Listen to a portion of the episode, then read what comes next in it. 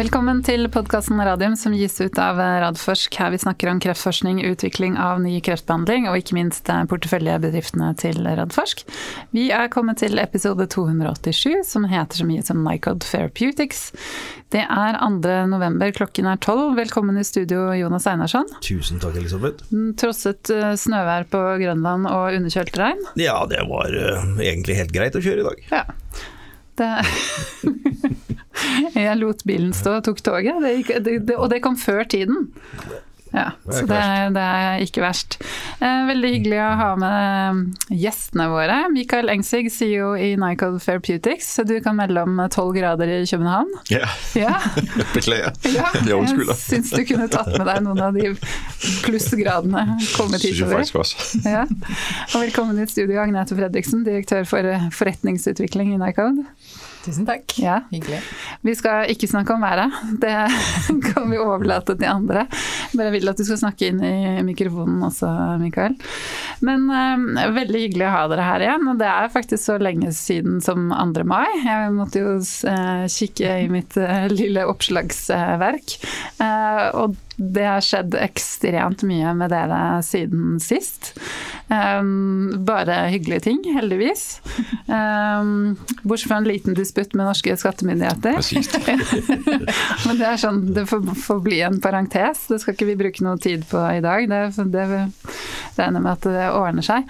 Uh, fantastisk uh, og gratulerer med å ha hentet inn 505 millioner norske kroner, en halv milliard. Eh, i emisjonen nå. Eh, vi tar sportsspørsmålet med en gang. Hvordan føles det? det føles vel annerledes nå enn det gjorde uh, i dagene. Jeg tror Dagene etter da tror jeg vi var godt brukte. Slitt opp. Uh, mm. så, så, for mitt vedkommende tok det en tre-fire dager å komme opp på, uh, opp på rett køl igjen og, og våkne opp normalt om morgenen. Ja, jeg tror det er alle de store begivenhetene våre, så er vi så slitne akkurat der og da. Og så i tillegg til at man skal lande det, sånn som nå var det jo nattarbeid, ja. så skal man også opp tidlig neste dag og, og, og, og gå på TV, f.eks. Eh, så det er ganske intenst. Eh, vi bør kanskje lære at vi skal utsette sånn feiring en uke eller noe, og så bygge litt energi først i framtiden. Men jeg, men, eh, men jeg syns samtidig at at det er, en annen, det er en annen følelse inni kroppen. Litt for meg er det tilsvarende når vi, når vi landet uh, Genentech-avtalen, som var den første store partneravtalen. Så føler man at man kommer opp på et sånt slags platå. Mm. Eh, og så kan man egentlig bare bygge oppover. Litt vanskelig å liksom bygge helt ned igjen.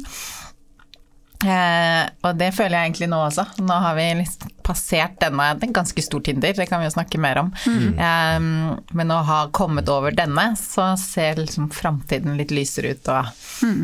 det, er, det, er, sannsynligvis en oppoverbakke, men en litt morsom oppoverbakke. Mm. mm. På en måte nådd et sånt ja, Jeg skjønner hva du ja. mener med det platået, og så kan man liksom ja. komme videre. Føler av og til at vi er på sånn friklatring. Ja. ja. Og så kan man alltid lamle litt ned igjen og så litt opp igjen, men så nå er vi på et platå. Ja. Kan puste litt. Ja. Eh, kan dere begynne med å fortelle litt om bakgrunnen for denne kapitalinnhentingen? Ja, altså Denne kapitalinnhenting som vi lavede sidste uke, er jo et, et ledd i vår langsigtede strategi, og ikke minst vår langsigtede strategi for vårt kapitalmarked. Um, hvor, hvor, vi har igennem længere tid har sagt, at vi, vi ønsker jo for det første at, at rette os imod USA og komme på den amerikanske børs Nasdaq. Og vi har også vært tydelige på, og det vi også følt har vært et ønske fra vores nuværende investorer, at få det vi kaller professionelle, industrierfarne, altså biotech-erfarne investorer ombord, som kunne være med til at validere hele, hele historien omkring uh, Nycode. For her sidder altså de dygtigste mennesker og evaluere vores data og vores teknologi, og kan sammenligne den op imod det, der ellers findes derude, andre selskaber, og, og tage en beslutning. Så når de kommer ind og foretager en beslutning, som de har gjort i, i sidste uge, så er det en, en yderligere validering af, af vores teknologi og vores data, ud over det, vi har fået fra Genentech og Regeneron-samarbejderne. Så, så det har været vigtigt for os at få dem ombord. Og, og så kan man sige, det, det, det i sig selv har været et mål for os øh, igennem lang tid. Og, øh, vi har vært ude og, og rejse og besøge mange investorer gennem de sidste par år. Um, og, og har snakket med, med altså, haft flere hundrede møder med, med investorer. Uh, nogle af de investorer, vi fik ombord i sidste uge, mødte vi jo for første gang helt tilbage i 2021, og har haft gentagende møder med dem igen og igen og igen for at bygge et kendskab til selskabet, til organisationen og, og til vores evne til at levere på det, vi har lovet. Mm. Nå, så det, det er så kan man sige, den kapitalmarkedsmæssige del af det her. Det andet er, er hvad skal vi så bruge de her ting til? Uh, de, de her penge, vi får ind her. Og, og dem har vi jo sagt, selvom målet i sig selv ikke var at rejse kapital i den her forbindelse her, det var at få rigtig dygtige investorer ombord. Mm. Så har vi jo stadigvæk en masse spændende idéer, vi vil bruge de her penge på. Så, så i første omgang, så bruger vi pengene på at sætte vores øh, næste studie med VVT16 i gang. Det hedder C05. Mm. Vi skal blive lidt litt mer kreativ til å finne navnet til vårt studie. Det har du sagt ja, før. Altså, jeg går i surr med disse tallene ja, allerede. Så. Ja, det beklager jeg. Ja, nei. Så C05 det er vår studie i tidlige stadier av livmorhalskreft. Mm. Um, og der har vi også vært ganske tydelige og sagt, det ønsker vi egentlig også å utvide VBT16 hen imod. Så vi ikke kun kigger på fremskreden livmorhalskreft og fremskreden hode- og halskreft, men også inn i de tidligere stadier. Mm. Um, jeg tror, det er ganske etableret forståelse at cancervacciner også kommer til å virke rigtig godt i, i, den, i den setting. Mm. Og så har vi også sagt, at vi vil bruge øh, en del av de her penge her på at accelerere vores forskning innenfor autoimmunsygdomme. Så det, det er de to hovedtemaer, når vi, øh, når vi skal begrunde, hvorfor vi, vi, vi ønsker å hente de her penge her, og, og hvor de skal bruges. Mm. Mm. Så bra. Eh, vi må ha med deg litt også, Einarsson, som er en av investorene her. Hva ja, tenker du? Som, eh, som, investor, eh, og ganske stor investor i dette selskapet, så er dette noe jeg har ønsket meg. Uh, absolutt. For det, nå snakker vi om å virkelig bygge og utvikle et uh, legemiddelselskap uh, med mange bein å stå på etter hvert. og da må vi se til USA. Det er ikke noe annen måte å gjøre det på.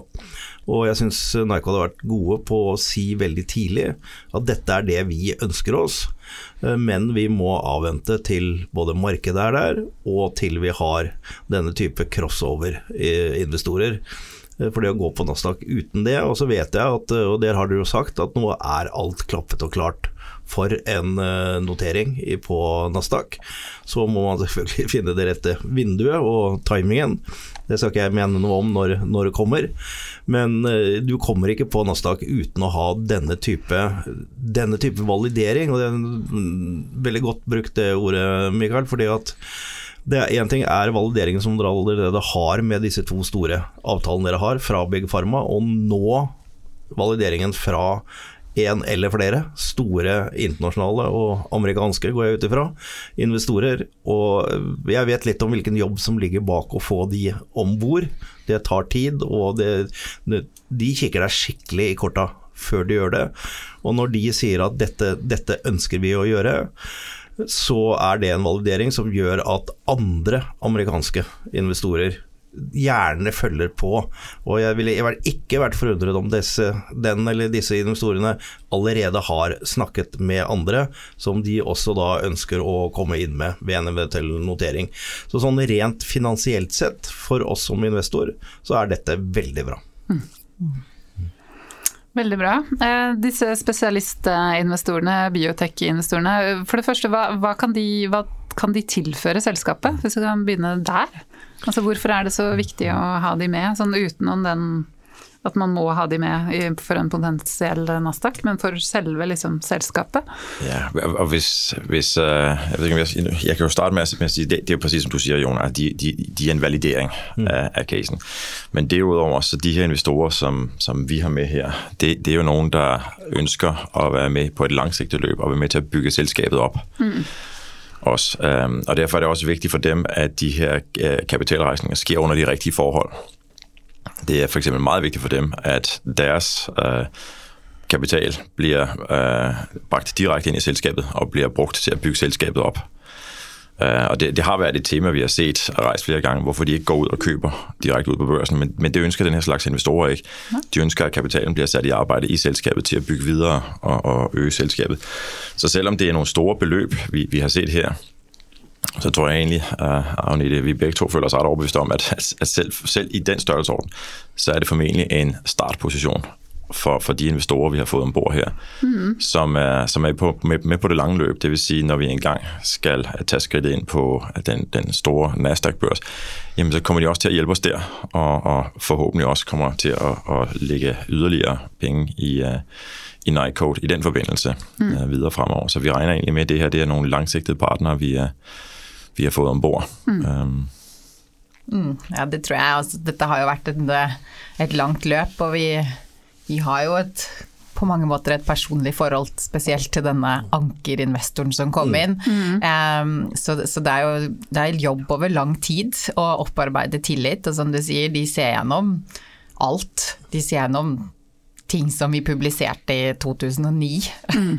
eh, som, som, vi selv nesten kan ha glemt. Eh, og det er ikke bare de research-tingene, selvfølgelig alle data. Hvor, hvor, gode er dataene, hvordan ser det ut i forhold til alt som er av eh, konkurrenter der ute. Hvordan, hvordan er våre kliniske data, hvordan er våre prekliniske data? Immunresponsdataene, alt sammen går gjennom, eh, gås gjennom med lupe. Og ikke bare våre data, men med deres, deres enorme ekspertise i hva skjer der ute i resten av verden. De bruker jo hele sin tid, egentlig, på å snakke med andre selskaper som er konkurrenter til oss. Mm. Eh, og det at de da velger å si nå syns vi at dette selskapet her, de presenterer seg med en type data, med en type selskap, hvor vi virkelig har tro på at dette skal kunne bygges. Så kommer jo ditt perspektiv inn om at så vil de at pengene skal inn i selskapet, fordi de vet at hvis vi har penger, så skal vi kunne klare å sette det inn i arbeid for å generere mer verdi. Så for dem er det kjempeviktig at vi på en måte sikrer en mulighet for å kunne bygge dette selskapet videre. Så den første her, det å komme fra Norge eh, med en veldig lokal investorbase og få inn de første gang, det er alltid en skepsis i forhold til hvis du allerede er på Nasdaq, eller hvis du er et WC-basert selskap i utgangspunktet som er litt mer kjente investorer for spesialistene. Eh, så det er også noe de ser på, selvfølgelig. Mm. Hvem, er, hvem er nå investorbasen? Hva er denne børsen? Hvor sannsynlig er det at vi kommer til Nasdaq? Om hvor lenge? Hvor klare er vi egentlig? Mm. Sier vi bare at vi vil, eller er vi egentlig et selskap som de tror har noe å gjøre på Nasdaq. Så det er veldig mange sånne diskusjoner. Vi satt, siste møtet vi hadde med, med denne eh, store ankerinvestoren, da, da ble vi grillet i i lang tid. Mm. uten noe forberedelser og uten noe, noe, noe slides eller noe som helst. Så de er veldig opptatt av å, å få en tillit til at, til at selskapet har, har en framtid, da. Mm. Eh, så selvfølgelig den, den, den, forholdet der og, eh, vil vi jo bare fortsette å bygge. Eh, vi har allerede eh, avtalt å møtes face to face igjen om ikke lenge. og selvfølgelig for oss så er det veldig viktig å, å, å opprettholde den, den tilliten, sånn at vi med alt som skal tilsys på alle mulige måter, at denne, denne investoren vil fortsette å være mm. med oss videre eh, og støtte oss videre. Og da kommer jo denne, som Michael kalte ep epitope spreading. Veldig nerdy mhm. joke. Eh, på, eh, på, på man, man, skal kjenne dere for å skjønne det. Ja, men på at eh, altså selvfølgelig bare det å kunne gå ut i markedet som vi gjorde da i forrige uke og si ok, vi har fått og det er jo ikke disclosed hvem dette er ennå, men vi Nei. har jo sagt at det er virkelig en av topp mm. fem eh, amerikanske toppinvestorer innenfor biotek. Så, så, når vi sier de som vet navnet, eh, vet jo at dette her eh, er en veldig validering for oss. Eh, og det er klart at eh, som du sier, de vil jo snakke med andre. For som, mm. å snakke positivt om dette selskapet jeg har investert i, har du vi har lyst til å se på det eh, fra nå og framover. Vi merket jo effekten sånn sett at det ble såpass oversubscribed. Men det er jo liten tid disse mm. andre investorene har til å ta den eh, avgjørelsen. Det er ikke mange timene. Mm. Eh, så vi fikk jo eh, sånn sett den effekten med at boka ble veldig oversubscribed. Men vi merker jo også nå veldig de diskusjonene vi har hatt etter kapitalreisningen. hvor mange andre av de investorene som vi har vært ute og snakket med og begynt å etablere tilsvarende forhold med, som ikke nødvendigvis klarte å hive seg rundt på en time eller to mm. forrige tirsdag, mens de sier 'gud, nå skal jeg i hvert ja. fall eh, følge med'. Skjønner. Eh, fordi for dem er dette liksom også superviktig at eh, mm det er alltid vanskelig å være den første. Ja, ja. Det er veldig vanskelig å hente den første. Mm. Um, så, så, det er jo litt derfor jeg kanskje føler vi er på et platå. Mm. Ja. ja. Jeg er helt enig og det er, det er et eh, langt skritt. om det de bringer til eh, bords er så mye mer enn penger. Altså den kompetansen de har, nettverket. både ja, det nettverket og mm. den type investorer. Eh, jeg har hatt gleden av å jobbe sammen med den type investorer gjennom eh, selskapet vårt ArtBio. Mm. Og jeg må si jeg ble nesten blåst litt av banen over hvor mye kompetanse de hadde mm. når de satte seg. Jeg datt fullstendig av lasset på teknologi. De, de gikk så langt ned i grøten de har et nettverk av en annen verden. Det, det, er, det er, en annen verden å, mm. å, komme inn i det. Og, og de vil, de, jeg vil tro at de vil aktivt jobbe med dere for å bygge selskapet videre. Ja. Mm. Det, det, er helt Vi har en forventning om å ha en dialog med dem om, om strategien også. Uh, der er selvfølgelig grenser for hva vi kan dele med dem, men vi kommer helt klart til å sidde og ha en, en, uh, en hyppig dialog om, mm. hvordan vi best tar det her selskapet videre, og, og ikke minst uh, hen imod USA. Mm. Ja. Mm. Eh, når, når, eller om blir det kjent hvilken eh, investor det er? Jeg går ut fra at dere har gjort en avtale rundt det? Nei, vi har en forventning, og det er litt basert på hvordan de normalt gjør det. Så, ja. så de har noen tydelige krav til uh, hva de ønsker blir offentliggjort og ikke blir offentliggjort. Mm.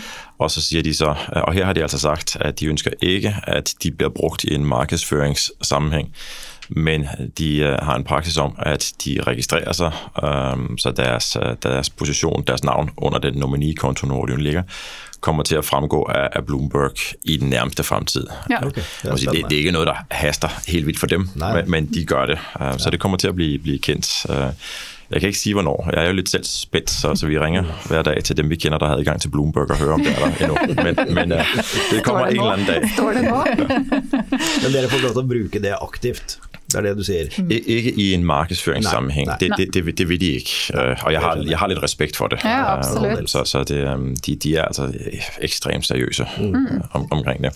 Men det er klart, når, når det er på Bloomberg, så, så, så, så, vil de bli brukt aktivt ja. uh, til å, og som, som Agnete sier, skape ytterligere interesse og momentum bak å få satt møter opp med, med de næste investorer. Mm. Um, og som du også sagde, Agnete, der var jo mange, der ikke nåede at, at, at hive sig rundt på, på de få timer. Men, uh, men der var alligevel et par af vores uh, eksisterende internationale investorer, der, der var med. Mm. Og så, som jeg føler har siddet egentlig og, og vært klar til å springe på når et eller annet kom deres vei. Når, så, når man ja, seg. Så vi var glade for mm. at, at de også sprang til og mm. og hjelpe med. Um, ja, jeg har lyst til å gi litt ros også til de eksisterende aksjonærene og investorene deres. Uh, for dette syns jeg var et svært ryddig og greit løp. De går altså ut og garanterer for 330 millioner. Mm. Av disse 500 eller 505 som vel var maks ut ifra mm. dagens aksjekurs. Det er jo sånn det regnes. Mm. Eh, det er tøft gjort. Mm. Selv om han sikkert hadde signaler om at Men det var jo ingen som har tegnet eller eh, gjort det. Mm. Og så gir de fra seg alt sammen fordi dere får den store mm. interessen. Så kan du si det er kanskje noe de hadde regna med. Det er jeg slett ikke så sikker på. I hvert fall ikke når jeg ser at de de påfølgende dagene gjør relativt store mm. investeringer. På over, over børs. Mm. Uh, så den he, hele hele prosessen syns jeg har vært utrolig ryddig. Mm. Og også fra de, så jeg har lyst til å gi litt ros til de også. Ja, ja og jeg kan kun, kun ekko hva du sier, Jonas. Altså, jeg syns også de har vært øh, utrolig supporterende støttende, men også som du sier, ryddelige. Øh, og vi har hatt mange dialoger omkring det. Vi vet jo godt når vi laver sånn en rettet emisjon, at, at, og især når den blir så overtegnet som den blir, mm. så kommer det til å være noen der utilfredse til sidst med, med det, de får. Og, og der synes jeg, altså, jeg synes, det var det rigtige, de gjorde. Ja. At træde til side, også så vi trods alt kunne få allokeret nogle aktier til de eksisterende norske investorer.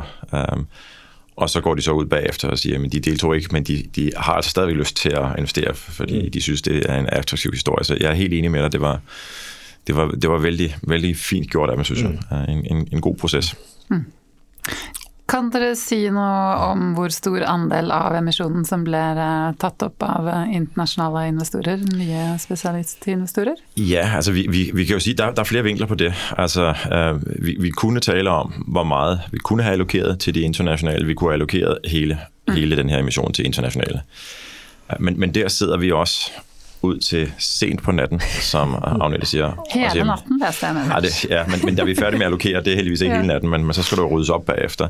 Der sidder vi og, og må ta, tage mange forskellige hensyn. Og et av de hensyn vi beslutter å ta, det er at altså, der har vært så, en så stor efterspørsel fra eksisterende, primært norske investorer, at vi kan ikke være bekendt ikke at tildele noe til, til dem også. Og vi beslutter altså at vi, vi sender noe ind mod, mot Norge også.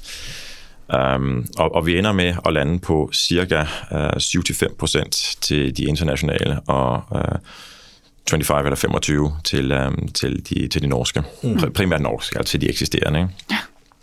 Og der må vi ta noen, vi må ta noen, uh, noen hårde beslutninger i, i løpet av, av natten. Altså vi, vi, velger litt hardt å si folk der ikke er aksjonærer, men, men kommer fra lokalmiljøet dem kan vi altså ikke tilgodese i, i denne runde her. For Nei. vi har ikke nok aksjer å gi til alle dem, der blir, dem, der blir efterspurgt. Mm.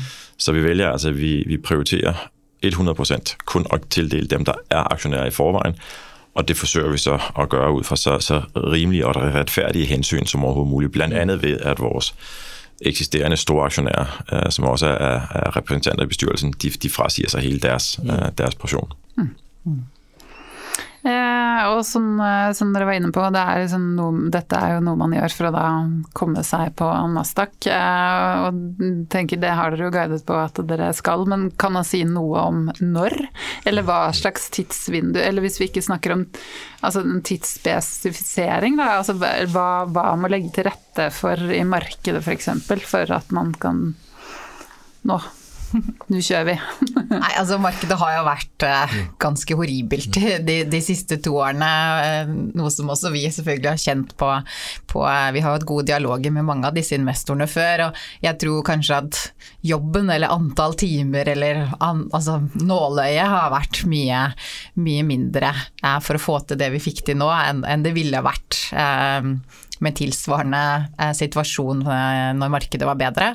Eh, så vi, vi, ønsker jo det også med Nasdaq. Det viktigste for oss er jo å være i en god posisjon. Nå har vi denne ankerinvestoren. Hvis vi vil liksom kjenne på hvordan vil vi oppleve det nå i de andre veldig store fondene som ikke rakk å bli med. Mm.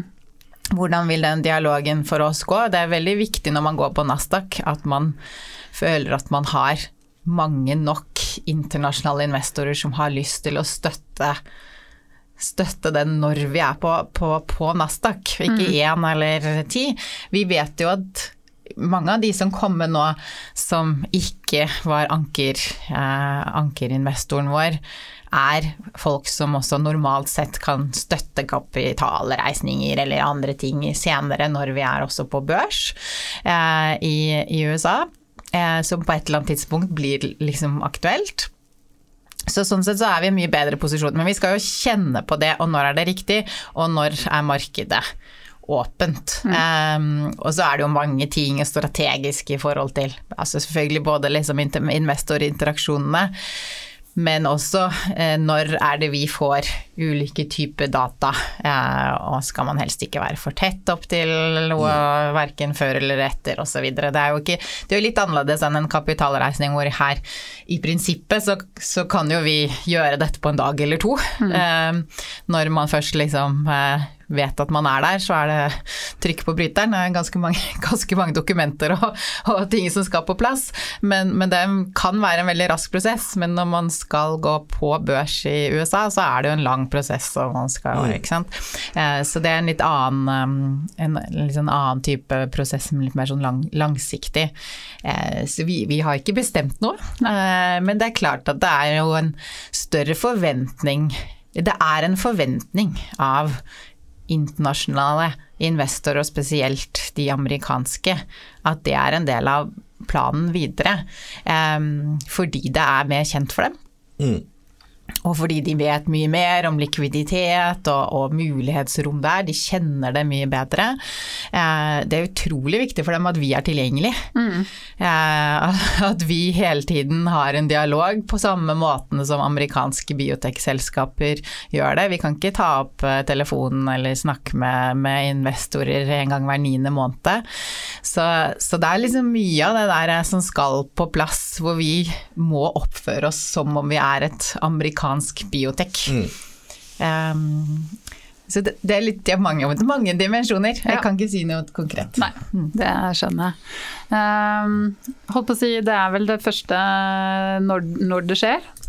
Ja, det, det, er vel det første biotekselskapet i Radforsk portefølje, men er det første biotekselskapet i norsk historie? Dette hadde jeg egentlig sånn der note to self å sjekke før jeg gikk inn i studio, men det rakk jeg ikke.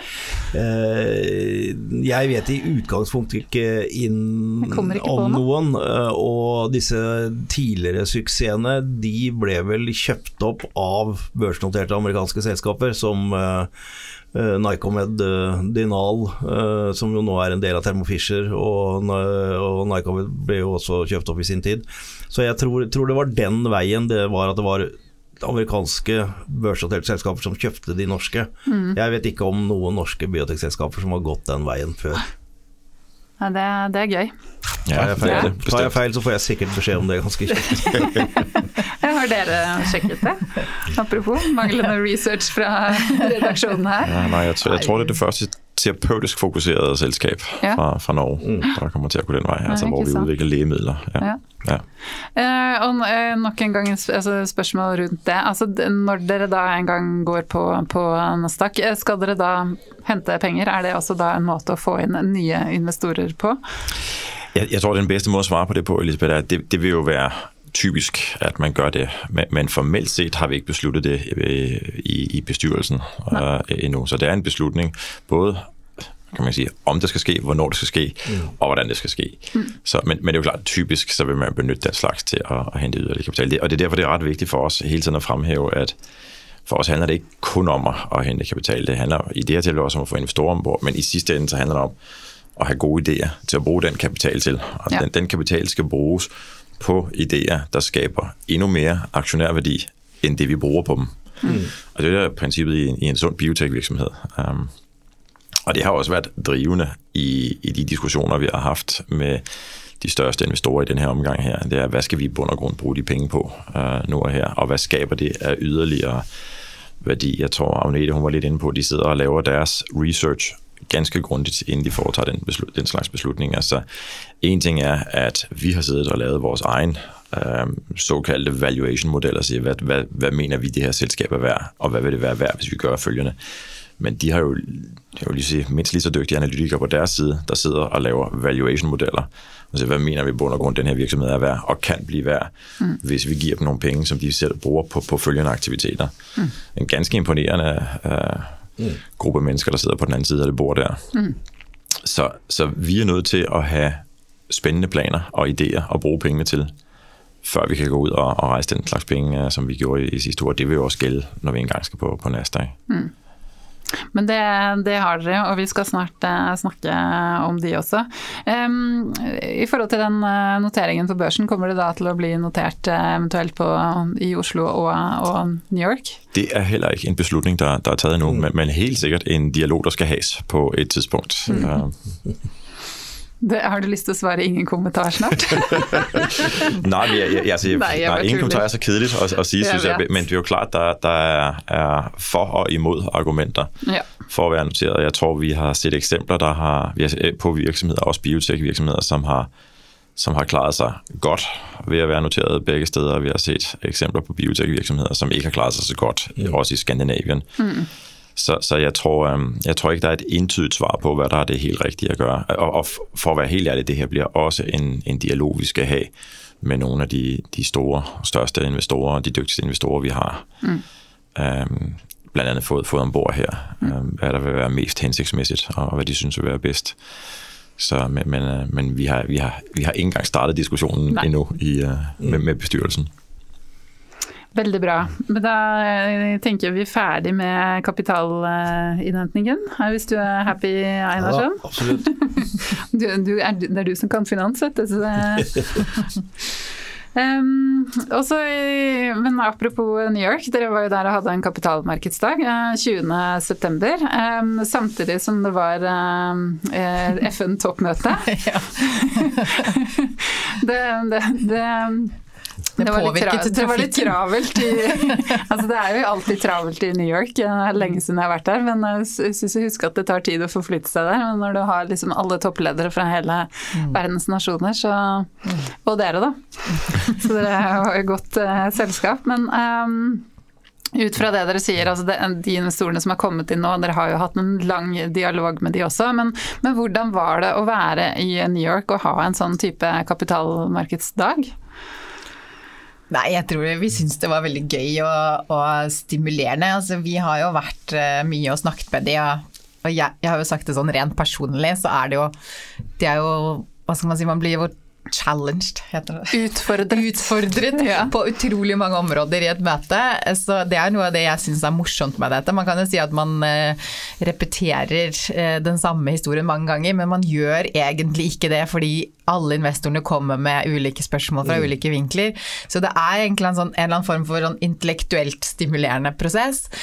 Eh, ja, det syns jeg jo også rundt kapitalmarkedsdagen eh, og spørsmålene man får fra de som er i salen, og diskusjonene vi har, som, som kanskje ingen ser, eh, før og etter og, og, under, og møtene vi sånn sett også kunne ha etterpå, eh, var jo, var jo en veldig morsom prosess. Og vi klarte jo også å samle en god del oppdateringer av relevante nyheter som vi fikk presentert inn på den dagen. Mm. Eh, som, som, vi føler liksom kanskje hver og en av de er litt er liksom et litt, et litt ekstra validerende punkt her og et litt ekstra validerende punkt der. Pluss selvfølgelig eh, hele autoimmunitetsdataene eh, som vi fikk presentere for første, første stund, så var det en veldig sånn følelse der allerede da at liksom nå har disse C02-dataene begynt å, å, sette seg litt hos flere av investorene. Og det å så komme med oppfølgende data eh, som bare gir dem en litt ny oppdatering, en grunn til å si ok, dette ser også en bra ut, her forstår jeg enda mer er veldig viktig i denne reisen med investorer. Mm. Eh, Istedenfor å komme ut med noe en gang i året eller noe sånt nå, så er det disse, disse konstante oppdateringene om noe som går litt bedre her og litt mer substansiere historien, er, veldig, er, noe vi får veldig sånn positiv feedback på fra investorene. Eh, så det er helt annen dialog der enn en, Det er veldig forskjell på, på, investorene i forhold til hva de er opptatt av. Mm. Og så hadde vi jo Bradley Monk eh, med oss. Ja. Uh, oh my god, hvis vi kan si det sånn. Jeg var jo ikke i New York, jeg har jo sittet og sett det på, på webkast, men han kom jo liksom gjennom. Ja. Eh, ja. ja, han... Uh... Ja, altså, for er veldig tydelig en mann med, med, mye erfaring og kunnskap, og dermed selvtillit. Mm. Ja. Og en, et veldig ønske om å bidra for pasientene. Eh, han startet jo på en måte med å si at eh, første gang han var med å operere en, en kvinne med livmorhalskreft, og, og, fikk høre da eh, fra kirurgen som sto der at men du vet, beklager, men hun her kommer ikke til å leve videre, for hun har metastaser. Mm. Og hans liksom følelse av ja, men mm. hallo, mm. vi må jo kunne gjøre noe her. Mm. Som i hvert fall for meg eh, det virket som det var en voldsom drivkraft mm. bak det han har gjort, da, og også det mm. han skal være med på der. Han har en vanvittig track record eh, i forhold til hva han har vært med på å få registrert av nye behandlinger. Så, ja. Og han står jo på alle publikasjonene på de viktigste gjennombrudd det har vært innenfor, innenfor, den del av, av kreft. Mm. Så, så vi, vi, var jo vi, vi var også begeistret for å ha ham med, um, og ha ham så, så, så positiv. Øhm, han, er, han, har jo også vært en av, av drivkraftene bak vores USA-strategi for, for VBT16 i, i øh, fremskreden livmorhalskræft. Mm. Um, så, så, meget av det vi gjør, skyldes jo ikke minst hans tro på at VBT16 gjør en forskel. Mm. Og de kommer på bakgrunn av de data vi hadde fra CNO2-studiet uh, tilbake i, i foråret, uh, og de interim data, han så før fra sidste år. Så, så altså, vi, vi synes jo, det er rigtig fint at have ham på holdet også, uh, sammen med os. Udover at han gør et godt job i at formidle hans tillid til produktet, så, så er vi begejstrede over at have ham med mm. som, som en uh, intellektuel støtte. Um, mm. Men eh, kanskje vi skal snakke litt mer om akkurat den. Eh, det blir jo mye forkortelser. Nå har vi snakka om C02-studien. Mm. så det er det fase 2-studien i eh, avansert livmorhalskreft yeah. med VB1016 og Ateso. Klarer aldri å si det. Ateso. Vi kaller det bare Ateso. Ateso. Ja, det tar vi der. Hvor dere fikk jo gode, gode data, selv om det var en liten pasientgruppe, 55 pasienter prøver å grave opp fra hodet, hodet her. Ja. Eh, og så er det jo da den studien, altså mulig registreringsstudie, som da skal i gang nå i USA med Bradley Monk. Eh, kan ikke dere gå gjennom litt studiedesign der, for det gjorde jo han. For der var jeg litt sånn oi, det, den, den var ny. Ja, kanskje først og fremst også uh, nevne det at uh, helgen før vi hentet penger, så, så kom det jo også ut et, eh, et abstract hvor vi endelig fikk da offentlige data på hvordan Atesolizumab eller Ateso, eh, eh, egentlig eh, hva slags data de fikk i tilsvarende pasientpopulasjon som vi har i C02 som monoterapi. Det var jo en del av en annen studie med sammenligningsarm med, med Tigit og, og, og Ateso. Eh, men, men, de dataene også er jo ekstremt hjelpsomme for, for oss, hvor man ser så klart eh, forskjellen fra de dataene vi fikk. Tidligere har vi hatt noe data med atesolismab, men vi har ikke hatt i PDL-en positive subpopulasjonen, som jo er den som vi nå eh, går videre med, med selv. Og det å, se forskjellen i dataene hvor det er under elleve måneder for overlevelse på TSO alene, og vi som, det, som, vi har sagt noen ganger, ikke har nådd eh, median overlevelse. Mer enn 25 Estimert til å være mer enn 25 måneder. Mm. Eh, så, så, er det, selv om det ikke er en head to head, så begynner det å bli såpass mye data rundt der nå at, eh, at de dataene, de altså, så, Som vi jo også ser med den kapitalreisningen, eh, de som sitter og ser på dette i detalj, de, de, de mener jo at uh, her er det et eller annet som er et veldig, veldig sterkt signal, da. Uh, så, så det, det har jo også kommet ut nå i det siste. Og selvfølgelig så er det jo sånne ting som gjør at personer som Munch eh, og andre som jobber i GHG, og som har daglig kunnskap til hvordan andre behandlingsformer har egentlig vist seg å ha effekt i de pasientene som de behandler daglig, versus de dataene som vi har hatt i C02 Eh, og de er jo såpass kompetente også på science og immunresponser og måte, dynamikken i kurver og alt sånt, til at den entusiasmen for å liksom Vi må kjøre dette, og vi må kjøre det på i, i disse andre linjepasientene her i USA osv. osv. i forhold til alt annet som er, som også Munch var inne på under CMD-en at det, er ikke så mange andre alternativer her. Eh, og, og, hvis det funker, eh, eh, så kan det ha en veldig viktig effekt for, for den pasientgruppen. Da. Så det er jo det som ligger inni der akkurat studiedesignen. Nå snakket jeg så mye, så nå kan du ta studiedesign. Nei, Men bare sånn for å, eh, Han sa jo at hvis vi på en måte oppnår det vi vil her, Bradley Monk sa jo det, at da er det en game changer, og da kommer vi i New England Journal of Medicine, som vi har vært mange ganger tidligere, fordi dette her er på en måte noe helt nytt. Han var jo såpass klar mm. når han, når han snakket. Mm. Mm. mm.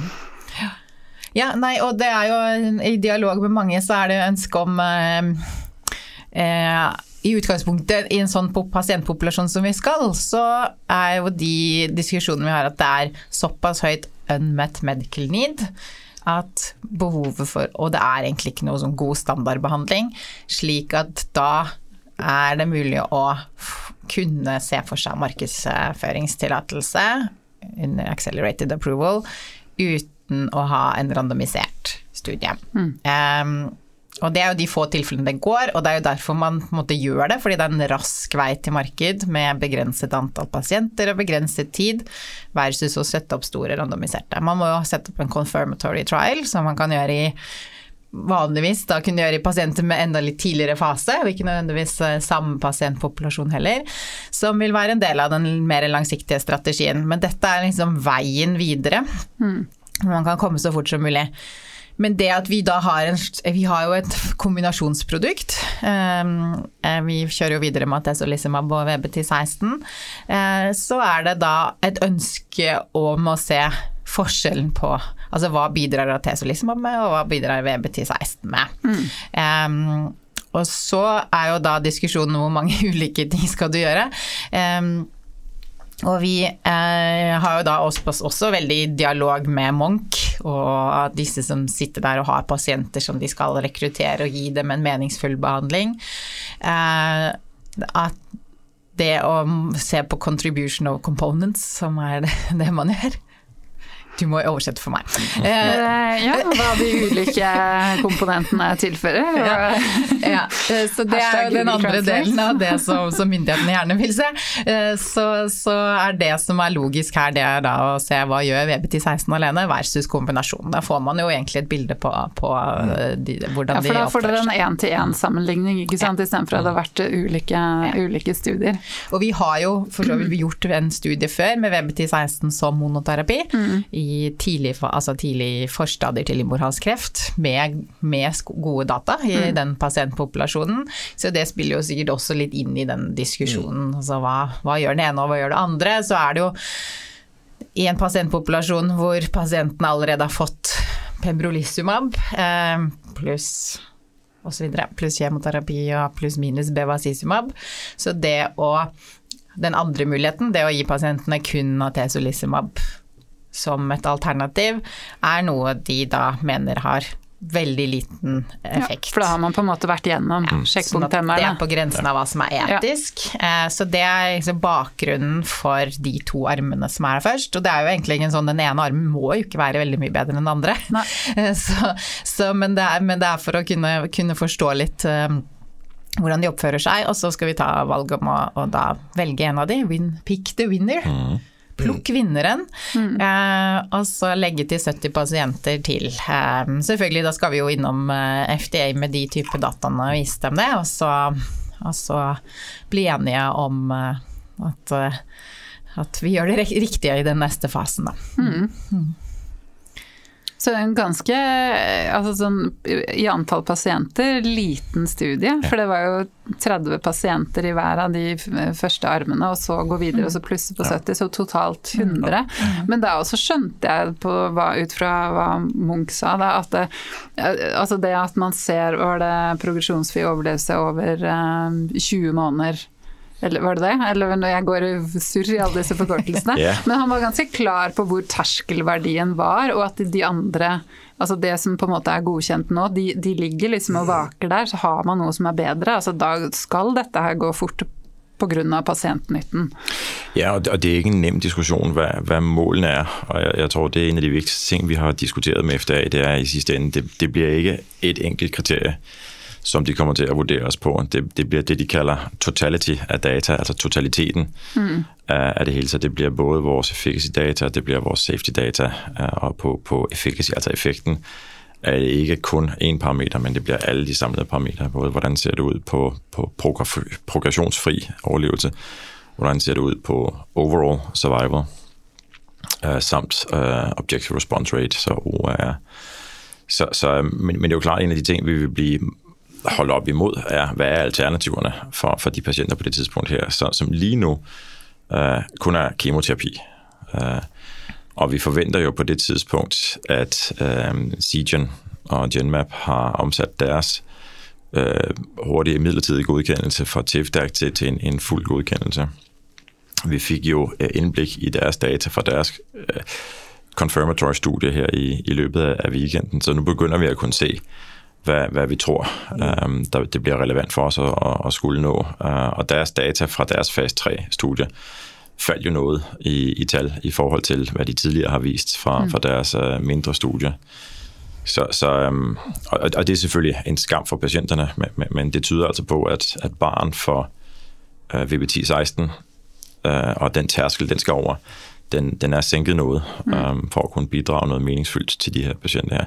Og så skal vi på, i, i, i sidste ende lige præcis med, med det her produkt her, som, som VBT16 kom ud og skulle konkurrere med, er der, er der ikke kun et spørgsmål om effekt, der er også et spørgsmål om, om safety mm. og tolerance. Det, det har altså nogle uheldige bivirkninger, øh, og du risikerer så, som, som, øh, som kvinde på det her produkt her at, at blive blind, fordi det går ind og påvirker uh, nervebaner i, i øjnene også. Så, så det, det er lidt uheldigt øh, fænomen med det produkt. Så, så, så derfor tror jeg også, på den vis barn er overskuelig for os, den, den tærskel, vi skal over. Mm. Og nå snakket du ikke om vårt produkt. Nei. Nei. Bare for å liksom være helt sikker på at ikke det ble misforstått. ja, Ja. Nei, jeg, jeg, jeg tror Fordi det er sikkerhetsprofilen på vaksinen Ja. er jo ikke noe Den er god. Altså, Den er jo ikke noe mer altså Sjekkpunkthemmerne har jo Nei. sine alvorlige Ja. bivirkninger Ja. som vi kjenner til. Ja. Og så har ikke dere sett noen tilleggsbivirkninger når man tilsetter du, du vaksinen. ikke, du kan stort sett ikke skille bivirkningsprofilen fra, fra vår studie fra hva du forventer å se på, på en checkpoint eller et øh, alene. Mm. Så, så det, var, det var en viktig utdypning. uddybning. Hvis, hvis, hvis, øh, en skal, vi skal viktig ikke til uh. Ja, det var vi alle det. investorene flyr ut og bare sånn der. Men det er jo det, det er spesielt det andre produktet som, som er på vei inn i den litt tilsvarende pasientpopulasjon potensielt, uh, som, som har, Som har den egentlig en, en litt alvorligere bivirkningsprofil enn sjekkpunkthemmere også, som. Så, som gjør at vår bivirkningsprofil da dermed i prinsippet, hvis de skulle oppføre seg likt for pasienten, men de har jo veldig ulik kinetikk og osv. Um, men vår bivirkningsprofil vil jo være ekstremt overraskende hvis ikke den skulle være uh, et stort uh, fortrinn for oss, da. Ja, altså de, de tall vi sitter og ser på, på effekten i sig selv, er, er jo imponerende, når du sammenligner. Og, og det er igen på sammenligning på tværs af studier. Mm. Men, men både vores progressionsfri overlevelse og vores overordnede overlevelse er jo uh, numerisk langt stærkere end det, du ser for, for det andet produkt. Mm. Uh, og når du så i tillæg har den usikkerhed på, på bivirkningen mm. på det andet produkt, ikke vores produkt,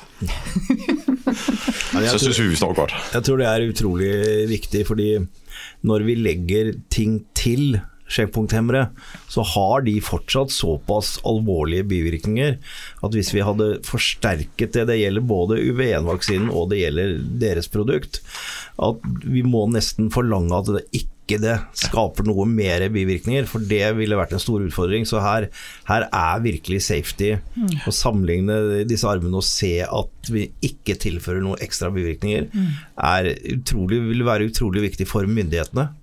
Og så syns jeg det er veldig fint at vi understreker at man må se på PFS, overall survival og responsrate, og så se det i sammenheng. Hvordan gikk det med den pasienten som hadde best respons, svimmelflott, altså se hele istedenfor å bare gå på én av disse tre. Det har vi litt dårlig erfaring med fra før, så det, er- det er fornuftig.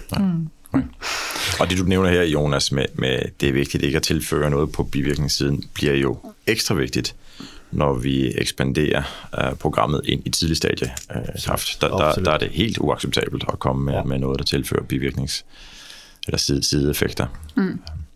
Så bare for å avslutte den studien, oppstart er nå i Q4 i år. Så da, da kjører de i USA, og det ser ut som det kan gå fort eh, også. Vi har jo i princippet allerede fået godkendelsen fra, Ja. fra FDA, så, så, så lige nu er, er vores team hårdt i gang med at få de første sites, altså de første udprøvningssteder op og køre. Mm. Der er jo en masse kontrakter, der skal forhandles med dem, og Ja. det er USA, så det tager lige lidt længere tid. Ting tar tid. Ja, det, de er hårdere til at forhandle, vil jeg sige. Ja. Det er bra. Eh, men vi skal holde oss litt på VB10 16 ennå, for dere har jo den hode-hals-studien. Eh, C03, husker jeg nå riktig? Ja.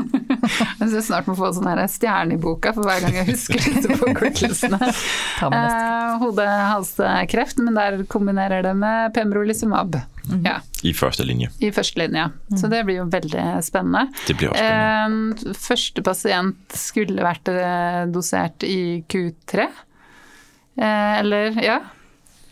Ja, vi Så rett rundt hjørnet, vil jeg tro.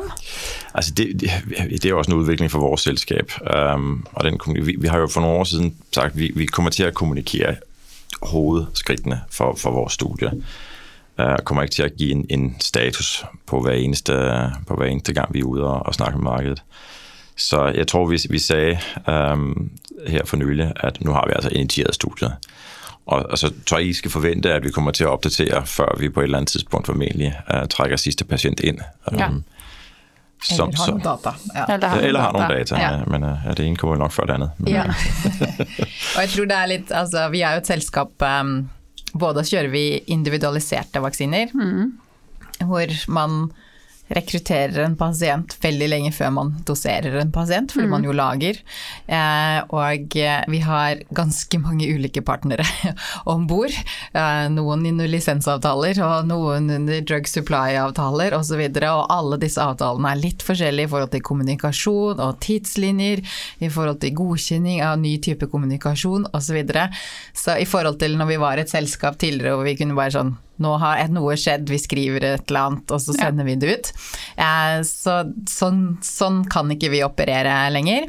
Eh, og da har vi egentlig også bare tatt et valg eh, internt om at vi vi aligner Jeg syns jeg er så dårlig på, på norsk. Syns du klarer deg ganske greit. Da. Det kommer noen engelske ord innimellom, Ja, men sånn, ja. sånn snakker de fleste nordmenn, har jeg At vi kommer med samme type kommunikasjon er i hvert fall eh, det som er eh, planen vår videre. Ja. Studien er initiert, Ja. og så kommer vi eh, med, med neste type data eller oppdatering når vi har en relevant oppdatering.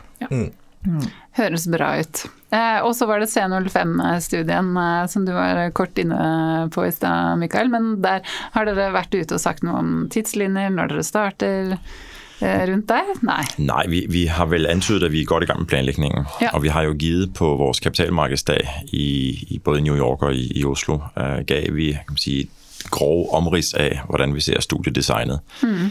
Øhm, grunden til, at vi ikke har kunnet være tydeligere tidligere, er, at vi har gået og ventet på de her data, der skulle komme fra Merck's øh, studie, altså MSD, med deres pembrolizumab i tidlig stadie Ja. øh, kræfter. Det, det var jo vigtigt for os at se, at der var øh, antydninger af effekt af øh, pembrolizumab i tidlig stadie øh, livmoderhalskræft. Øh, for ellers ville det nok være lidt op ad bak for os at lave et studie sammen med dem.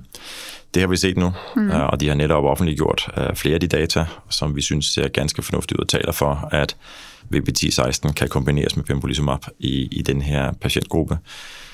Um, så vi har været ude at sige, at det bliver et, et design, der formentlig kommer til at have to arme, altså randomiseret, um, dobbeltblindet, placebo-kontrolleret.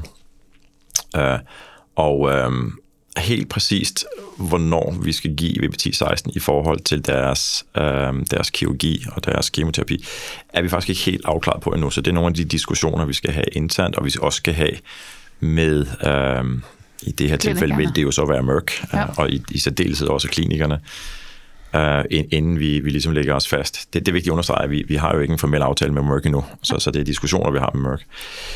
Um, og, um, og, og så kan vi endelig lægge os helt fast. Um, så vi er i den fase, hvor vi er ved at designe studiet færdigt. Mm. Um, og hvornår vi kommer til at indrullere første patient, er lidt svært at sige på nuværende tidspunkt, men, men jeg kan love jer, at vi arbejder så hurtigt som muligt. Og især efter, at vi hentede den kapital i sidste uge, som vi jo skal, skal primært bruge til at sætte det studie i gang. Masse studier. Ja, det er Det er min eh, konklusjon. Ja. Mye som skjer. Ja. Jeg Det tror her ikke, jeg det tror ikke de har få- lyst på en studie til. Det får de. Nei, men det kommer til å bli utrolig mye spennende data å rapportere på etter hvert. Det er jo det, det, er jo det vi syns er gøy. Ja, ja, absolutt. It's all in the data. Um, eh, skal vi, nå har ikke jeg sett på klokka, jeg ser at du har sett på klokka, Einarsson. Har vi fem minutter til å snakke om autoimmune sykdommer? Ja, ja, Eh, tre? det må vi ta oss tid til. Ja. Ja. Autoimmun sygdom, eller data. Ja, altså dette er jo Det er jo noe som skaper litt sånn sommerfugler i, i magen, egentlig. Eh, Det har jo det har vært Det å ha en sånn plattform, å jobbe med en plattform egentlig så mange år, da. Og vite at det er mange veier vi kan ta den plattformen hvis vi bare har tid og mennesker eh, til å, å prøve. Eh, det er jo en sånn blanding av frustrerende og, og godt. Vi har jo fokusert i, i mange år. Så dette har ligget litt i bakhodet, men vi tok det jo opp litt sånn stille og rolig og prøvde å ansette de første uten egentlig helt å få det ut der eh, i, i det offentlige, og fikk startet og virkelig lagt inn noen, eh, noen eh, brede patenter eh, for, for mulighetsrommet. Eh, og så konkurrerer det jo hele tiden internt med våre kreftting og våre partnerprogrammer og, og så videre. Så, og det er jo et felt som eh, vi opplever fra start at skaper en enorm interesse. Eh, og det er jo sånne ting man skal kjenne på når man er ute og snakker med andre. Hvor er hvor er verden? For altså, vi har jo noen kunder til slutt. Mm. Eh, kunder er liksom selvfølgelig pasientene, men i utgangspunktet så er det jo, er det jo en potensiell partner og investorer eh, også. Som, så vi kan jo lage mange eksperimenter internt som vi syns er fine og gode, men som det egentlig ikke er noe kundeinteresse for. Her opplever vi jo en enorm kundeinteresse eh, fra start. Litt på samme måte som jeg følte vi gjorde når vi startet individualisert kreftvaksiner, mm. hvor alle syntes det var spennende. Eh, og jo som førte til denne Genentech-avtalen og et veldig gjennombrudd for oss. Så, så, det er jo én ting, den har vi kjent på en stund, og så skal man jo sitte og lage alt eh, og teste veldig mange ulike varianter internt komme videre. Når vi så skulle gå hakket, hakke videre, så har det vært mange diskusjoner om hvordan skal vi gjøre det. Hvis dere ser på dataene, så er det både protein og det er DNA, og vi putter på noe, det vi kaller fort module osv. Så, videre. så utrolig mange parametere som, som skal, skal testes flere musemodeller som har forskjellig type sykdomsprofil. Eh, og vi kan jo si så mye som at det er jo ikke noe alle får til på første forsøk. Eh, jeg tror også etter at vi viser disse dataene som vi har, så har vi vært i dialog med flere som sier vi har prøvd internt, vi får det ikke til.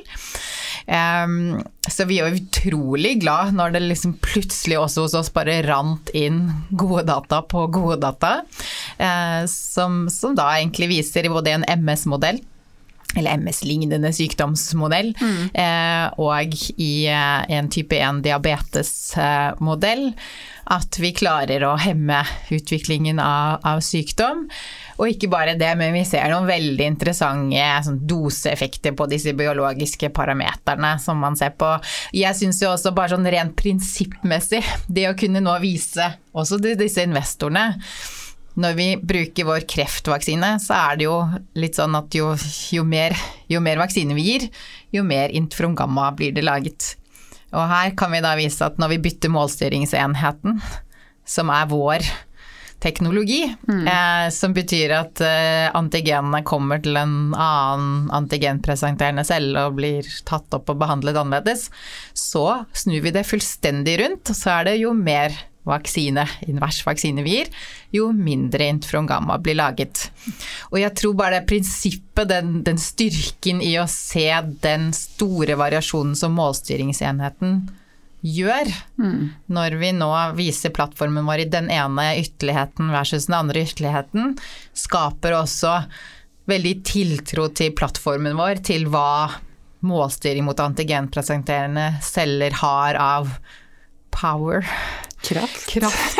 um, uh, I tillegg til at det jo er, skaper jo en, en, altså internt et veldig sånn entusiasme med hvis vi virkelig får dette til, og vi har en plattform, vi syns jo hele tiden at det vitenskapelige teorien bak å få antigenene til disse regulatoriske DC-ene og påvirke de på alle mulige måter, sånn at vi får den riktige immunresponsprofilen har vært der, men så vet man jo aldri om man, om man får det til. Um, når det ser så lovende som det gjør nå, så er jo mulighetsrommet for å lage en ny plattform eh, til stede, eh, som, som, ikke bare er grunnlag for ett produkt, men som er grunnlaget for mange produkter.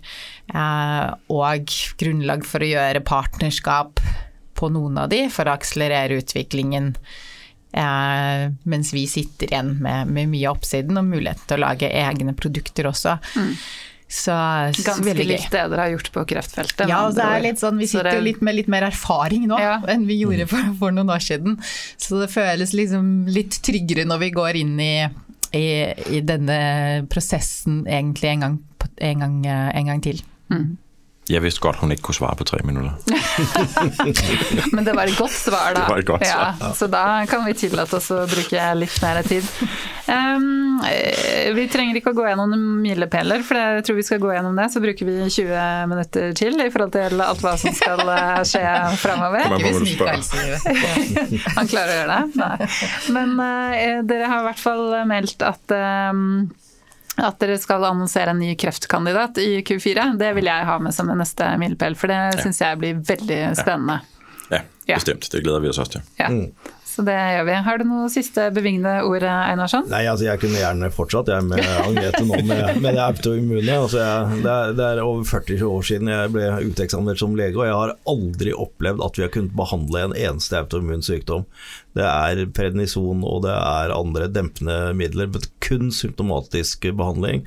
Og nå liksom ser den tanken om at ja, nå har vi vist at vi kan hjelpe immunforsvaret til å gire det opp og gå det riktige stedet, ikke gjøre skade, men bare gå på det riktige stedet. Og hvis man kan snu det, hva kalte du invers vaksine? Invers vaksine. Utrolig stilig navn. Ja, veldig. Kan- Da gikk det opp et lys her òg. Kan Altså. snu dette her og så gå inn og si at nei, nå må dere roe dere ned. Dere, det gjøres faktisk skade her isteden. Det er altså en sånn besnærende tanke at jeg får helt gåsehud bare å se Hvis det er mulig, ja, da har dere bare starta reisen nå, altså. Absolutt. Tusen takk for at dere kom. Jeg gleder meg til dere kommer tilbake igjen. Det er jo mulig det går et halvt år, da gudene vet hva dere har gjort i mellomtiden da. Den som lever får se. Vi tar oss fri neste uke, i og med at vi har hatt dobbel podkast denne uken. Men uken etter så skal vi ha med oss Anette Weigang. Og et nytt spennende kreftselskap, så det er bare å glede seg. Takk for i dag. Takk skal du ha.